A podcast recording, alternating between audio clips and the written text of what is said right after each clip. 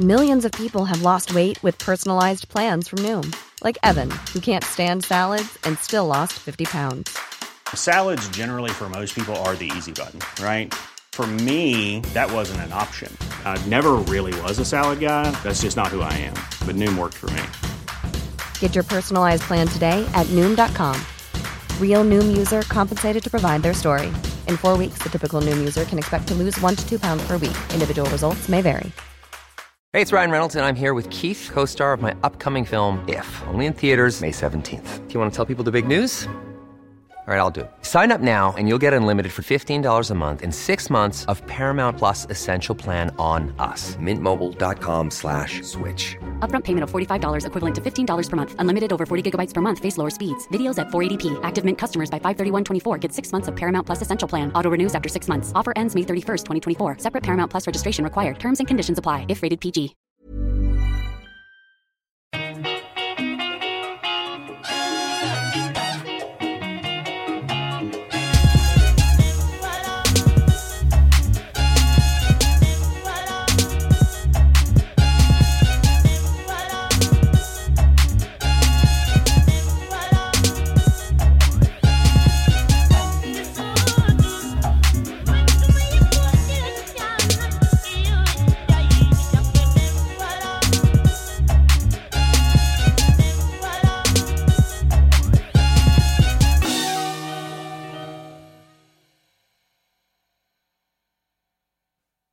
Du lyssnar på Svart historia med mig, Amat Levin.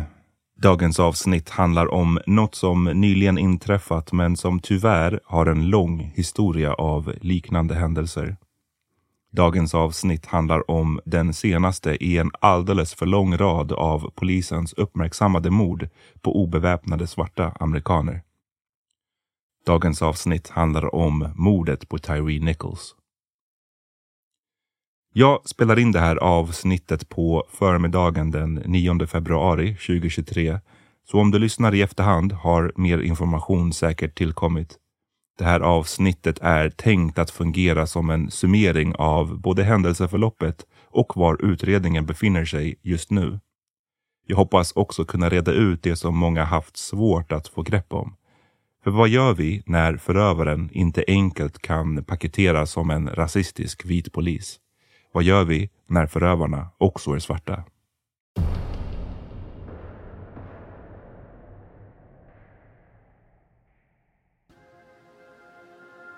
Det är en sval kväll i Memphis, Tennessee den 7 januari 2023. En 29-årig man är på väg hem till sin mamma där han bor. Klockan är halv nio och det har mörknat. När han bara är några hundra meter från huset ser han plötsligt blåljus i backspegeln. Han stannar bilen och öppnar dörren och möts direkt av flera skrikande poliser. Tonläget är högt. Vapnen är dragna.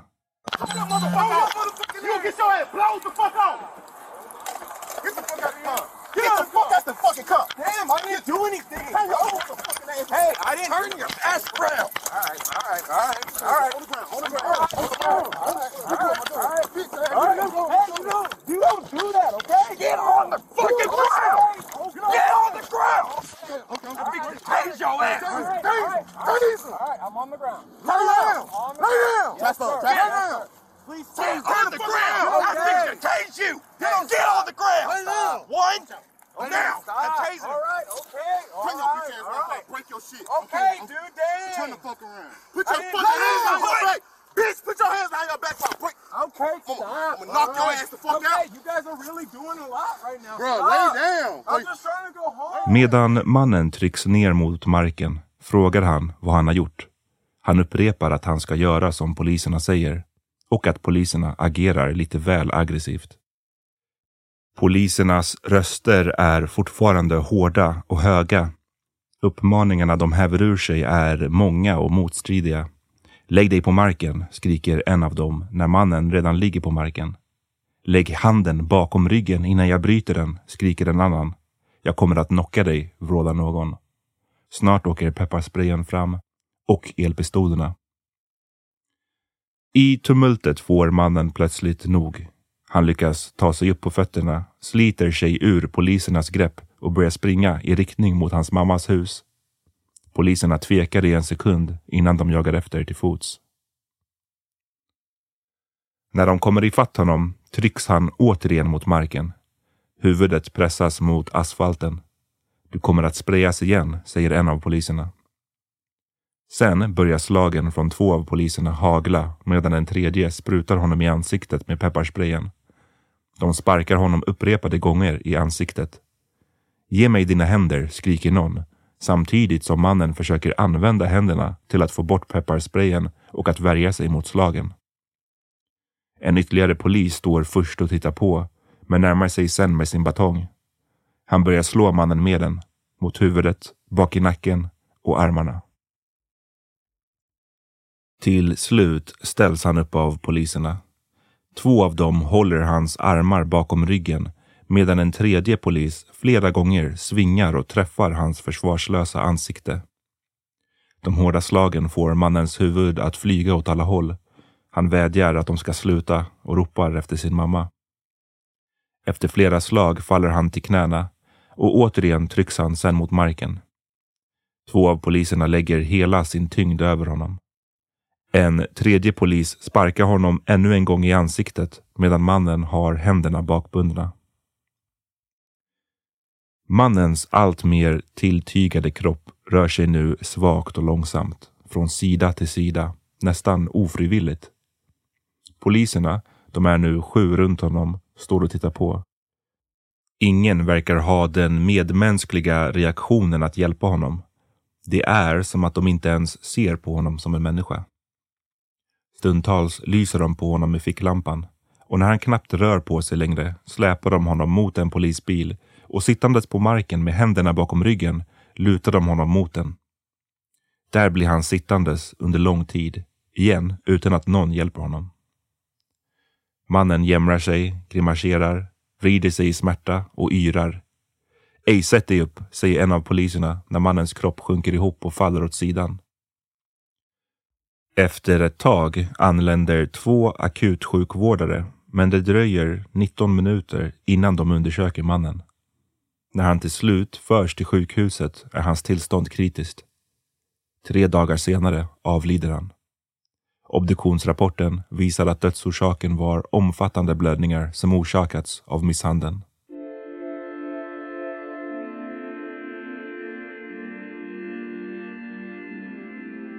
Den 29-åriga mannen som slogs ihjäl av polisen hette Tyree Nichols. Han föddes 1993 och växte upp i Sacramento i Kalifornien.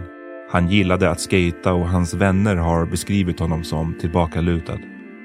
Hans pappa dog innan Nichols hunnit gå klart gymnasiet och mamman bodde långt från Sacramento, i Memphis, Tennessee. Efter gymnasiet försörjde sig Nichols med en rad ströjobb och fick en son med en dåvarande flickvän.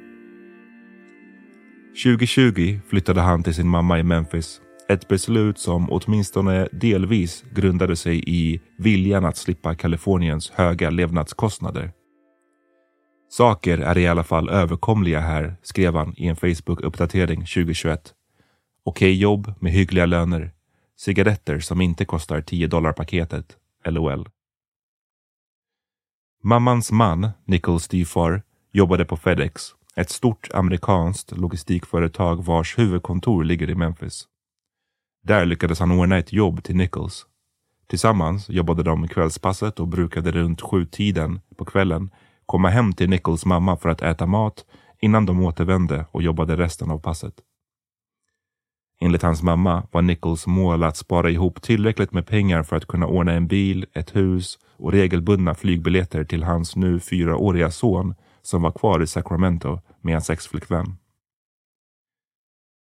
Nichols led även av Crohns sjukdom, en kronisk inflammatorisk tarmsjukdom som bidrog till att han var väldigt smal.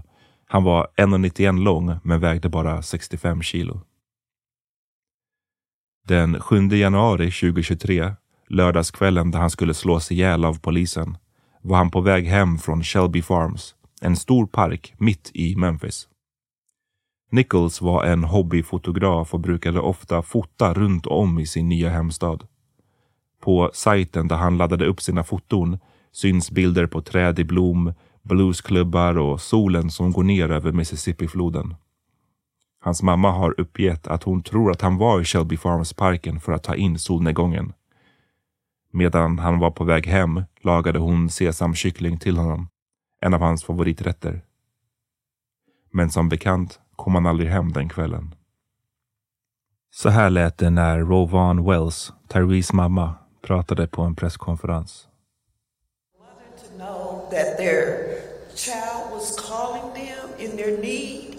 and I wasn't there for him. Do you do you know how I feel right now? Because I wasn't there for my son.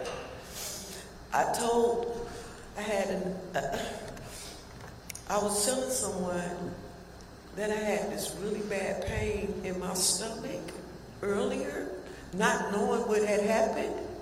But once I found out what happened, that was my son's pain that I was feeling. Mm. And I didn't even know. But for me to find out that my son was calling my name and I was only feet away and did not even hear him, you have no clue how I feel right now. No clue.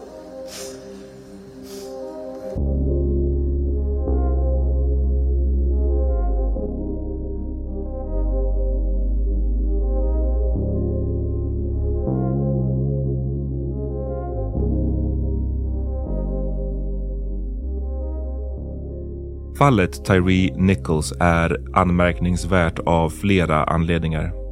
Historiskt hör det till vanligheten att polisens dödande av svarta amerikaner blir första sidostoff först efter att en video över händelseförloppet har läckts. Historiskt har det även krävts rubriker och omfattande demonstrationer innan de inblandade poliserna grips, disciplineras eller straffas, om det ens sker överhuvudtaget. Minns till exempel mordet på George Floyd i maj 2020. Trots att filmen fick spridning direkt tog det fyra dagar av demonstrationer innan de inblandade poliserna greps. Utan det väldiga engagemanget och omvärldens strålkastarljus skulle Floyd bara ha blivit ännu en siffra i statistiken. Eller minns Ahmad Arbery som i februari 2020 avrättades av två män, den ena en ex-polis, under en joggingtur. Först när en video av händelsen nådde sociala medier greps männen. Det hade då hunnit bli maj och 74 dagar passerat sedan mordet. Daniel Pantaleo, polismannen som år 2014 ströp ihjäl Eric Garner för att ha sålt cigaretter illegalt, är ett annat exempel. Han fick sparken först 2019 alltså hela fem år efter mordet. Det finns tyvärr många fler exempel jag skulle kunna rabbla upp, men i det här fallet med Tyree Nichols försökte man förekomma protesterna. Den 18 januari, en dryg vecka efter att Nichols dött, inledde FBI sin granskning av händelseförloppet. Och två dagar senare utannonserade Memphis-polisen att man sparkat fem av de inblandade poliserna. Den 26 januari gav Memphis polischef Sarah Lynn J. Davis en uppdatering. In light of the horrific circumstances surrounding the death of Tyree Nichols, it is absolutely incumbent upon me, your chief, to address the status of what the Memphis Police Department is doing, has done, and will continue to do in furtherance of finding truth in this tragic loss ensuring we communicate with honesty and transparency, and that there is absolute accountability for those responsible for Tyree's death. As you know, five Memphis police officers were terminated last week. These officers were found to be directly responsible for the physical abuse of Mr. Nichols.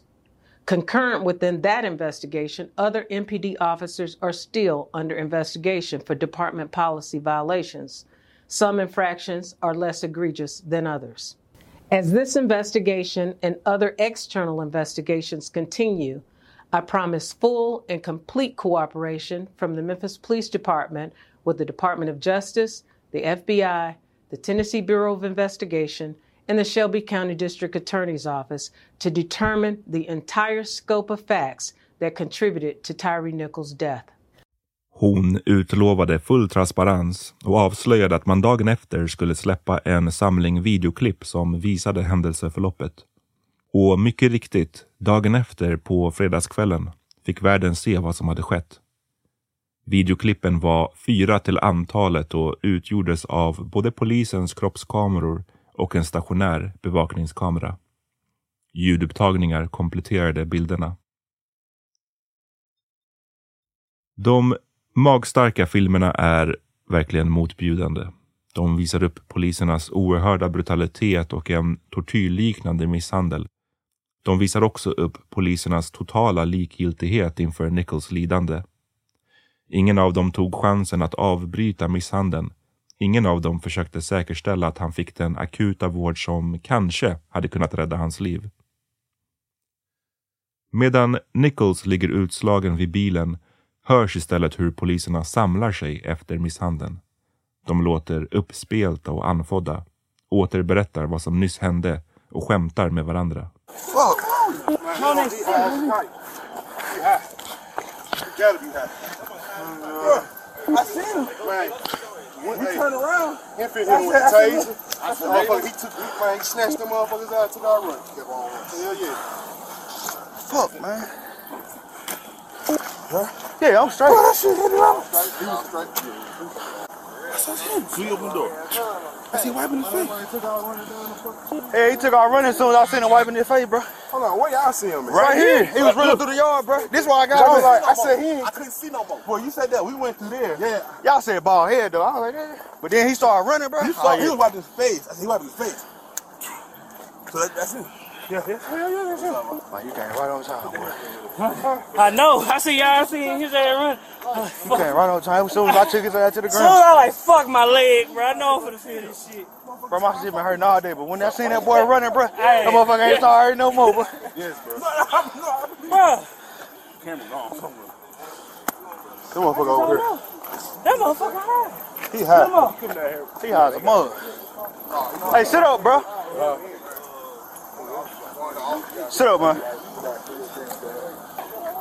Bro, I hit that man with so many pieces and he screwed up. I'm sorry, bro. I eat it, bro. Bro, you know his name, bro? Hell no, I ain't get. Hey, hold on, hold on. Let me do my shit.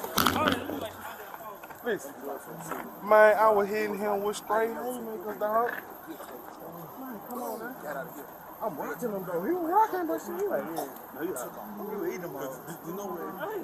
Then hell, I jump in, start rocking. Motherfucker, Man, like, look, what the fuck? Man, I'm telling you, bro. Man, I was hitting him with straight haymakers dog, skryter en av poliserna. Jag vet inte hur man bäst översätter haymakers, men det betyder i stort sett jävligt hårda slag. Man kan också höra hur poliserna försöker motivera det som nyss hände. Han är hög som fan, säger en av dem. Den jäveln förstörde min radio bror, säger någon annan. Han sträckte sig efter mitt vapen, säger en ytterligare. De här replikerna är viktiga och kan ses som ett sätt för poliserna att skydda sig själva. Att understryka att allt skedde i självförsvar. Det kan ses som början på deras version av händelseförloppet. En version tänkt att få dem att slippa undan repressalier. Det är någonting nästan fascinerande i polisernas agerande här tycker jag. Det har ju sen George Floyd och sen Black Lives Matter-rörelsen kom igång ordentligt där i början på 2010-talet gjorts en stor grej av att eh, införa kroppskameror på poliserna. Och till viss del har det ju hjälpt. Det, de här kroppskamerorna tillhandahåller ju oss med de här videoupptagningarna. Men det är ändå fascinerande på något sjukt sätt att se hur poliserna, trots att de vet att de har kroppskamerorna på sig, går så här hårt mot en obeväpnad civilperson. De vet att de har kroppskamerorna på sig. De vet att ljudupptagningarna kommer att höras och ändå skryter de om vad de nyss har gjort. Ändå skämtar de med varandra. Det vittnar någonstans om deras eh, självförtroende. Förutom att avslöja den grova misshandeln och polisernas loja agerande efteråt avslöjade filmerna också hur de inblandade poliserna ljugit om vad som hänt. Enligt New York Times skrevs den initiala polisrapporten bara timmar efter dödsmisshandeln, när Nichols låg på sjukhuset. I den står det att poliserna stoppat Nichols för vårdslöshet i trafiken och, och att han därefter gick till attack mot dem. De hävdar till och med att han sträckte sig efter ett av deras vapen. Igen, det som de refererade till i ljudupptagningarna. Rapporten beskrev en av poliserna till och med som ett offer för Nichols attack. Problemet för poliserna är att inget av det här syns på några av de fyra filmsekvenserna som staden Memphis har släppt. Varken Nichols påstådda vårdslöshet i trafiken, att han försökte slå poliserna eller att han försökte ta deras vapen. Det som däremot syns klart och tydligt men som inte omnämndes i rapporten är polisernas brutala misshandel av honom. Det här är knappast första gången felaktiga eller till och med lögnaktiga uppgifter förekommer i polisrapporter. Vi kan återigen minnas hur George Floyd dödades av polisen Derek Chauvin. Även i det fallet var den initiala polisrapporten full av missvisande och felaktiga uppgifter. Så här lät det då. Citat. Två poliser anlände och hittade den misstänkte en man som tros vara i 40-årsåldern i sin bil. Han beordrades att kliva ur bilen. Efter att han kom ut gjorde han fysiskt motstånd mot poliserna. Poliserna lyckades få den misstänkte i handklovar och noterade att han verkade lida av hälsoproblem. Polisen ringde efter ambulans. Han transporterades till Hennepin County Medical Center med ambulans där han avled en kort tid senare. Vid inget tillfälle användes vapen av någon typ av någon som var inblandad i denna incident. Slutcitat. Det är rätt mycket som utelämnades ur den rapporten, eller hur? Allra mest de nästan nio minuterna där Derek Chauvin pressade sitt knä mot George Floyds nacke.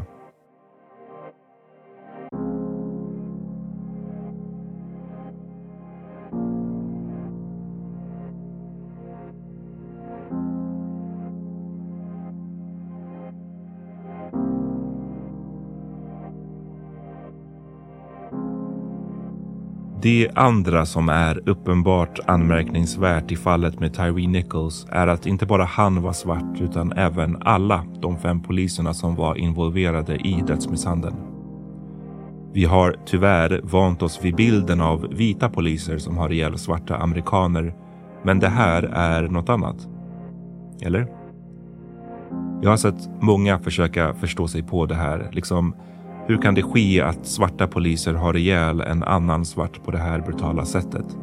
Det är en frågeställning som kräver andra svar än det ofta förenklade rasistisk vit polis dödar svart man.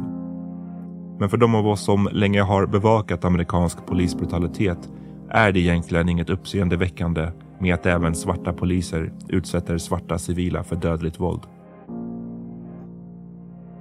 Det var redan 1988 som NWA's Ice Cube rappade “Don't let it be a black and a white one”, alltså poliser. Och detta för att citat “Black police showing out for the white cop”. Alltså i princip att man som svart inte ska räkna med mildare behandling av svarta poliser. Snarare tvärtom. Eftersom de svarta poliserna vill visa för sina icke-svarta kollegor eller chefer var deras lojalitet ligger. En av de mest minnesvärda scenerna ur 1991 års Boys in the Hood visar hur en svart polis går särskilt hårt mot de svarta protagonisterna. Och 1985 skrev den legendariske författaren James Baldwin så här i The Evidence of Things Not Seen, en bok om seriemorden i Atlanta i slutet på 70 och början på 80-talet. Citat. Svarta poliser var en annan sak.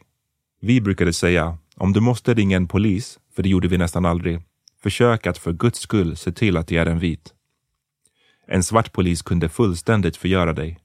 Han visste betydligt mer om dig än en vit polis kunde och du var försvarslös inför denna svarta broder i uniform vars hela anledning till att andas verkade vara hans förhoppning om att bevisa att han må vara svart men att han inte var svart som du. Slutcitat. Nu är det här bara vittnesmål från musikens, filmens och litteraturens värld, men de är inte hämtade ur luften. De senaste decenniernas ökade representation, fler svarta poliser, polischefer, åklagare, domare, borgmästare, har gjort lite för att förhindra faktumet att obeväpnade svarta amerikaner fortfarande löper ungefär tre gånger så hög risk att skjutas ihjäl av polisen i jämförelse med vita amerikaner. Eller som journalisten och författaren Tanahisi Coates skrev i en text för Washington Monthly redan 2001. Citat. Mångfald inom polisavdelningar är inte ett botemedel mot brutalitet så länge som afroamerikanska poliser är uppfödda på samma stereotyper som deras vita kollegor. Som Jesse Jackson har noterat är små gamla vita damer inte de enda som håller hårt i sina plånböcker när en grupp svarta män närmar sig. Slutcitat. Så problemet med den amerikanska polisens övervåld kan inte enbart förklaras med ras eller etnicitet. Det är en komponent, absolut, men man får inte glömma klassaspekten. För över hela världen är det fattiga människor som övervakas mest av polisen och som en följd därför löper störst risk att fängslas, misshandlas, till och med dödas. Och så är det även i USA, där statistik från 2022 visar att 19,5 procent av svarta amerikaner lever i fattigdom i jämförelse med 8,1 procent av vita. Så det är förhållandevis uppenbart att polisbrutalitet hänger ihop med både ras och klass. Den högre takten som svarta dödas i gör att svarta offer oftare resulterar i nationella eller internationella rubriker. Men den amerikanska polisen har varje år ihjäl mängder av vita människor också. Forskning pekar på att det är i betydligt högre utsträckning fattiga vita som drabbas. Till ras och klassaspekterna kan man lägga till saker som militariseringen av polisen, polisens tystnadskultur, bristande juridiska påföljder för poliser som begått överträdelser och krav från politikerna om att producera fler gripanden för att i valrörelser kunna visa att man varit så att säga tough on crime. Allt detta blir som ett recept för polisbrutalitet. Problemet är institutionellt. Att det är okej okay att gå hårt mot fattiga, främst svarta, men också andra minoriteter och även fattiga vita sitter i väggarna på många polisstationer. Med risk för att göra det övertydligt, lojaliteten är starkare mot det blåa än det svarta. Dessutom är polisutbildningen ofta undermålig. Beroende på delstat räcker det med en utbildning på 10 till 36 veckor för att bli en skjutvapenbärande polis. Det kan jämföras med här i Sverige där grundutbildningen är på två år följt av en sex månaders aspirantutbildning. Och då ska man veta att det finns många som vill se en förbättrad utbildning även här. Fallet med Tyree Nichols är ett ypperligt tillfälle att diskutera alla de här frågorna. Har vi som samhällen bestämt oss för att ge vissa institutioner våldsmonopol är det i min värld av yttersta vikt att se till att våldet bara används när det verkligen behövs när det inte finns några andra utvägar. Att titta på dödsmisshandeln av Nichols är att exponera sig själv för några av människans vidrigaste sidor, men också att gång på gång fråga sig hur två, tre, fyra, fem, sex, sju poliser inte på ett effektivt och skonsamt sätt kan omhänderta en enskild individ. Att fråga sig hur många slag och sparkar som måste utdelas innan personen bara förs till polisstationen för att sedan antingen fängslas eller släppas. Hittills har Nichols-fallet sporrat en hel del diskussioner i USA. En hel del av dem bra, men många av dem avgrundsdjupt dåliga. Trots den amerikanska polisens otvivelaktigt våldsamma track record finns det många tyckare som vill lägga ansvaret var som helst annat än hos polisen. Som vill skylla på gängvåld, det så kallade black on black crime, till och med svarta ensamstående mammor.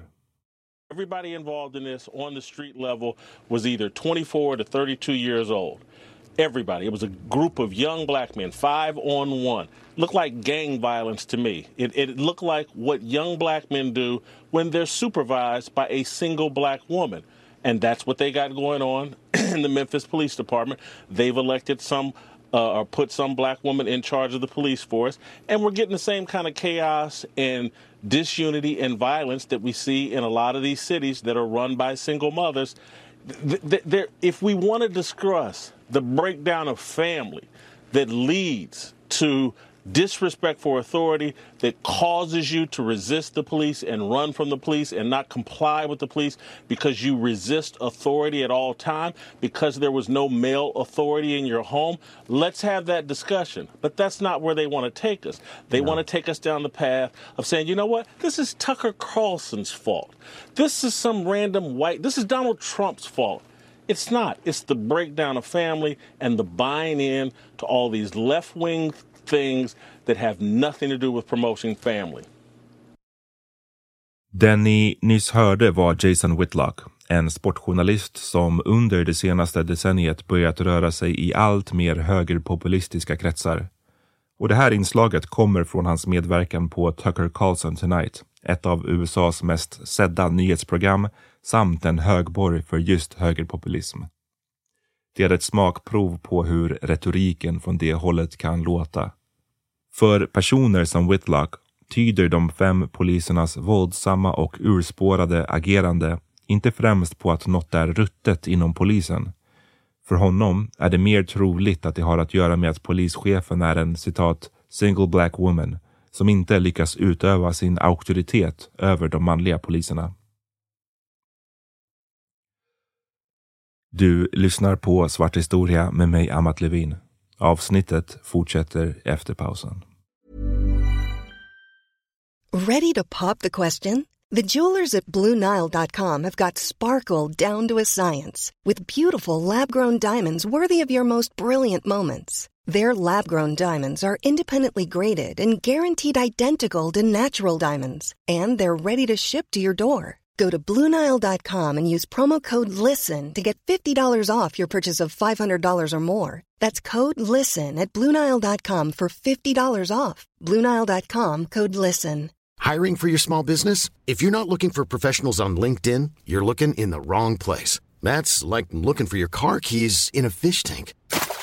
LinkedIn helps you hire professionals you can't find anywhere else, even those who aren't actively searching for a new job but might be open to the perfect role. In a given month, over 70% of LinkedIn users don't even visit other leading job sites. So start looking in the right place. With LinkedIn, you can hire professionals like a professional. Post your free job on linkedin.com slash people today.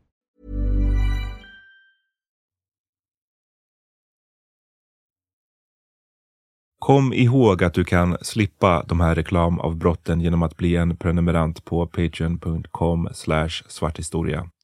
Där kan du också få tillgång till bonusavsnitt. Mer info om det hittas där. Nu fortsätter vi.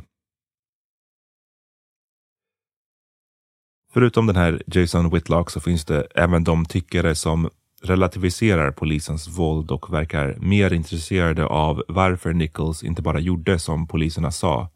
Det är som att de vill understryka att han faktiskt försökte fly och att man då minsann får räkna med att dödligt våld används.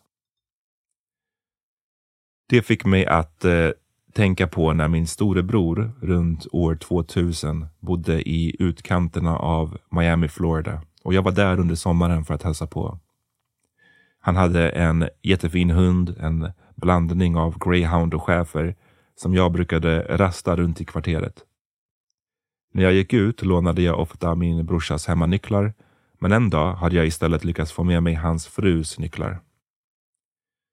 Förutom massa olika nycklar fanns det på knippan också en pepparspray i en svart och avlång behållare. Jag var nyfiken på den där sprayen och undrade hur den fungerade. Jag ville testa att spraya lite i luften, se vad som hände. Men sådär tonårigt korkad som jag var tittade jag på burken medan jag tryckte på knappen. Och det visade sig att jag höll den åt fel håll och sprejade mig själv i ansiktet. Det låter kanske komiskt eller klumpigt nu, men det var bland det jävligaste mitt 13-åriga jag varit med om. Smaken, de fula fläckarna på t-shirten och herregud lukten. Det tog mig någon minut innan jag ens förstod vad som hänt och en timme eller två innan jag återhämtat mig. Jag säger det här bara för att ni som inte har någon egen erfarenhet av pepparspray i ansiktet ska förstå precis hur smärtsamt det är, men framför allt desorienterande. Om man dessutom redan är rädd, om man exempelvis misshandlas av flera män med dragna vapen, är det kanske inte så konstigt att en reflexmässig flyktreaktion tar över.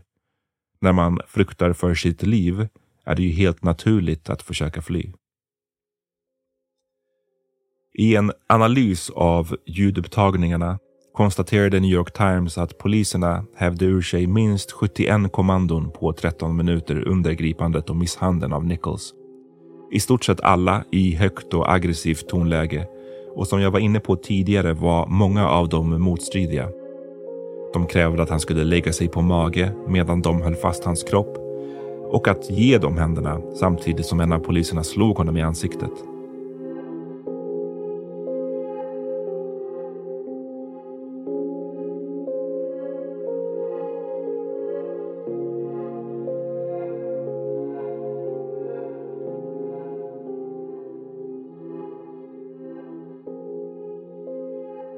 De inblandade poliserna i fallet med Tyree Nichols tillhörde en specialenhet som gick under namnet Scorpion. Det var en akronym som stod för Street Crimes Operation to Restore Peace in Our Neighborhoods. Och den skapades i november 2021 för att bekämpa vågen av våldsbrott som svepte över flera av Memphis mest utsatta områden. Poliserna i enheten, omkring 40 till antalet, körde ofta omärkta bilar och bar civilkläder eller skyddsvästar med ordet polis påklistrat över bröstet och hade på kort tid gjort sig kända för sin aggressiva och kompromisslösa stil. De fem svarta poliserna som var de första att få sparken var alla unga, mellan 24 och 32 år gamla och hade anställts mellan 2017 och 2020. Den 7 februari avslöjade New York Times att en av dem, Demetrius Haley, tog en bild på Tyree Nichols när han låg utslagen vid polisbilen och skickade den till minst fem personer, varav en kvinnlig bekant som inte var polisanställd. Det här är inte bara en ytterligare grov överträdelse av polisens regler utan har gett vatten på kvarn åt internetteorin om att Nichols och en av poliserna ska ha känt till varandra sedan tidigare via Haleys exflickvän. Det här ryktet startades på Facebook och Twitter och har dementerats av Nichols styvfar. Och eftersom inga uppgifter har kunnat styrka påståendet får det även fortsättningsvis ses som ett löst rykte. De fem poliserna, de fem svarta poliserna som fick sparken, står nu åtalade för bland annat mord. Men i takt med att dagarna gått har det uppdagats att en sjätte polis stängts av, men fått behålla jobbet och sluppit åtal.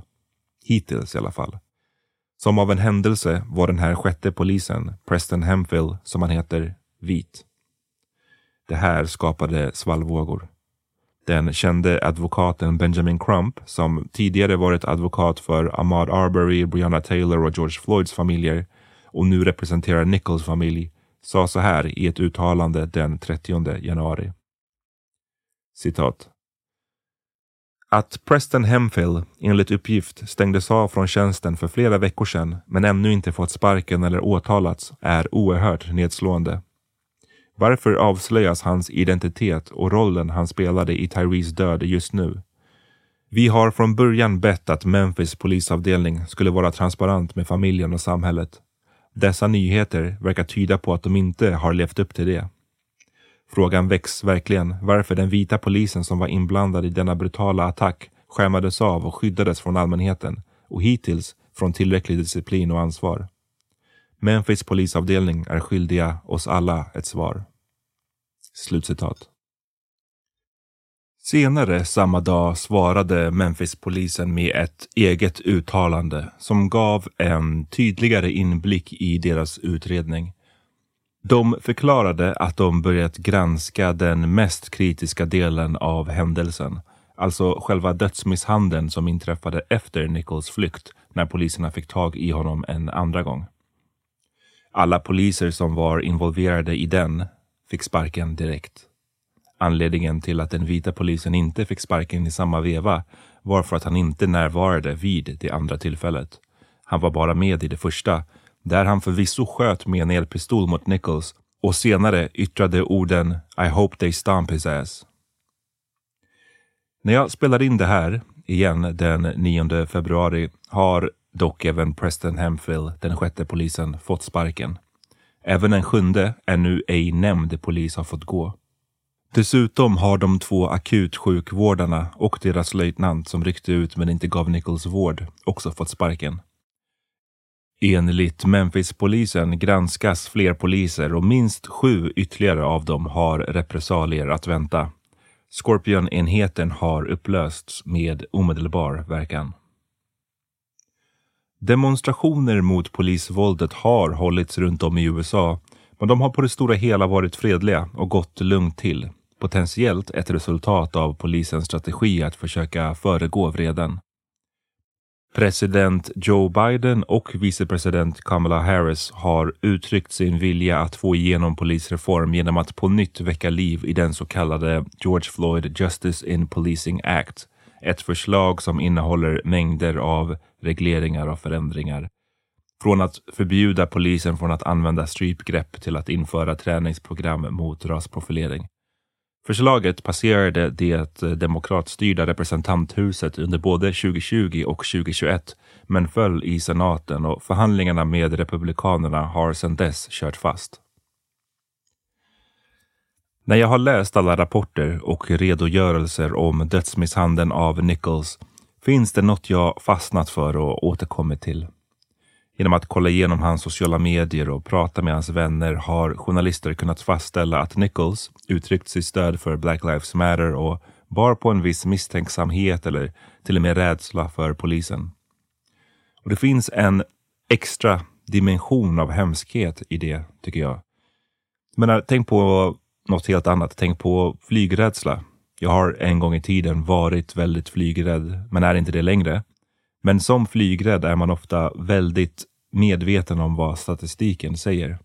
Att flyg är betydligt säkrare än bil, att chansen om att vara med om en flygkrasch är en på miljonen. Men trots det är flygrädsla en av våra vanligaste fobier och jag kunde ofta tänka på att det i varje flygkrasch sannolikt fanns någon som sedan innan redan var flygrädd. Och på något sätt tänker jag att kraschen måste ha varit värst för den personen. Jag menar, självklart, det är alltid hemskt att vara med om en flygkrasch, men jag tänker att det finns en särskild dimension av hemskhet i att vara med om det som flygrädd. Att man innan man ens klev på planet kanske haft ångest för resan i flera dagar eller till och med veckor och att man väl på planet får vara med om sin värsta mardröm. Ja, den här sortens tankar kunde jag ha när jag var flygrädd, men av någon anledning bubblade det upp till ytan när jag läste om Tyree Nichols och hans engagemang eller intresse för Black Lives Matter. Jag tänker att han kanske deltog i demonstrationer, postade om det på sociala medier, kanske informerade folk i sin omgivning om riskerna att utsättas för polisens övervåld, men likväl ändå blev ett offer. Good afternoon.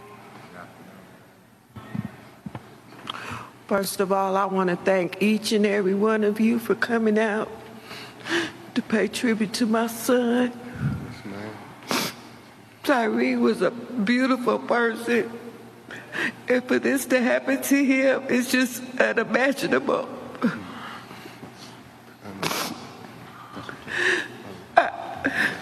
Den ni hörde prata var Rovan Wells, Tyrees mamma, under begravningen av hennes son.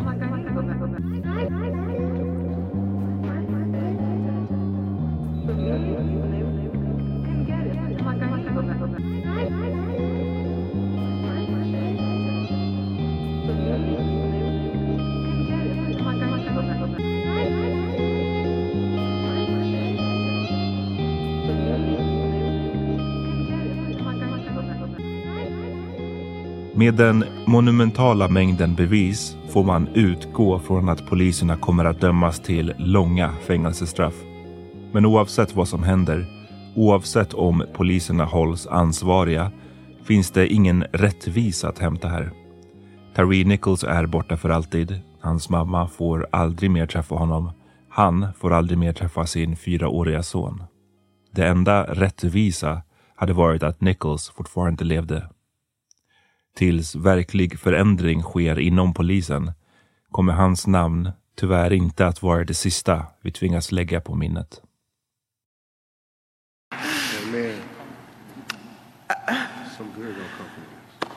I just need whatever that George Floyd bill we need it passed. Yeah. Yeah.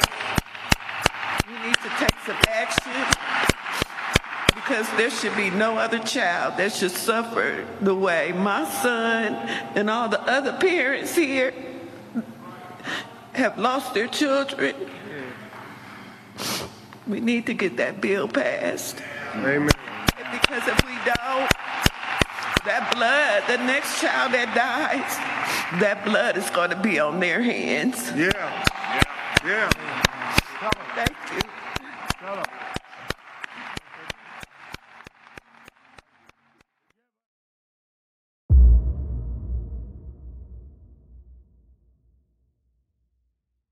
Tack för att eh, du har lyssnat på Svart historia med mig, Amat Levin.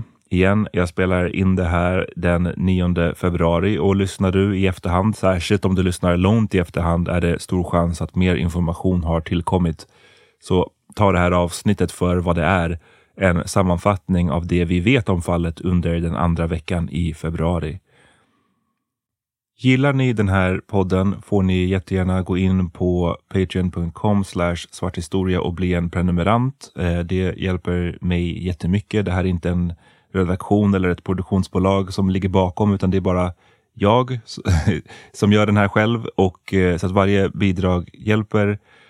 Och eh, vill ni inte bli prenumeranter så hjälper det också om man lämnar en recension och ett betyg på eh, den podcast-app som ni lyssnar på. Så det blir jag jätteglad för om ni gör. Nästa vecka är jag tillbaka med ett nytt avsnitt som handlar om någonting annat. Eh, glöm inte förresten att ni kan skicka lyssnarfrågor till mig på svarthistoria.gmail.com eller på svarthistoria på Instagram. Eh, har ni frågor om till exempel just det här avsnittet eller fallet eller ja, någonting annat eh, så skicka över så ska jag göra mitt bästa för att svara på det i ett kommande avsnitt. Okej? Okay? Vi hörs snart.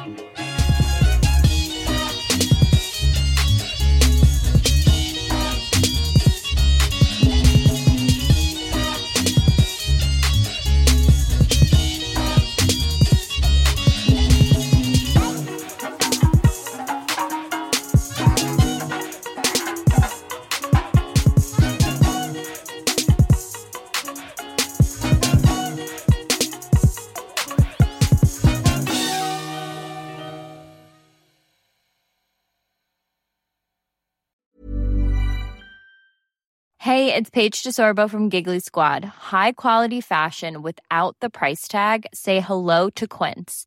I'm snagging high-end essentials like cozy cashmere sweaters, sleek leather jackets, fine jewelry, and so much more. With Quince being 50 to 80% less than similar brands.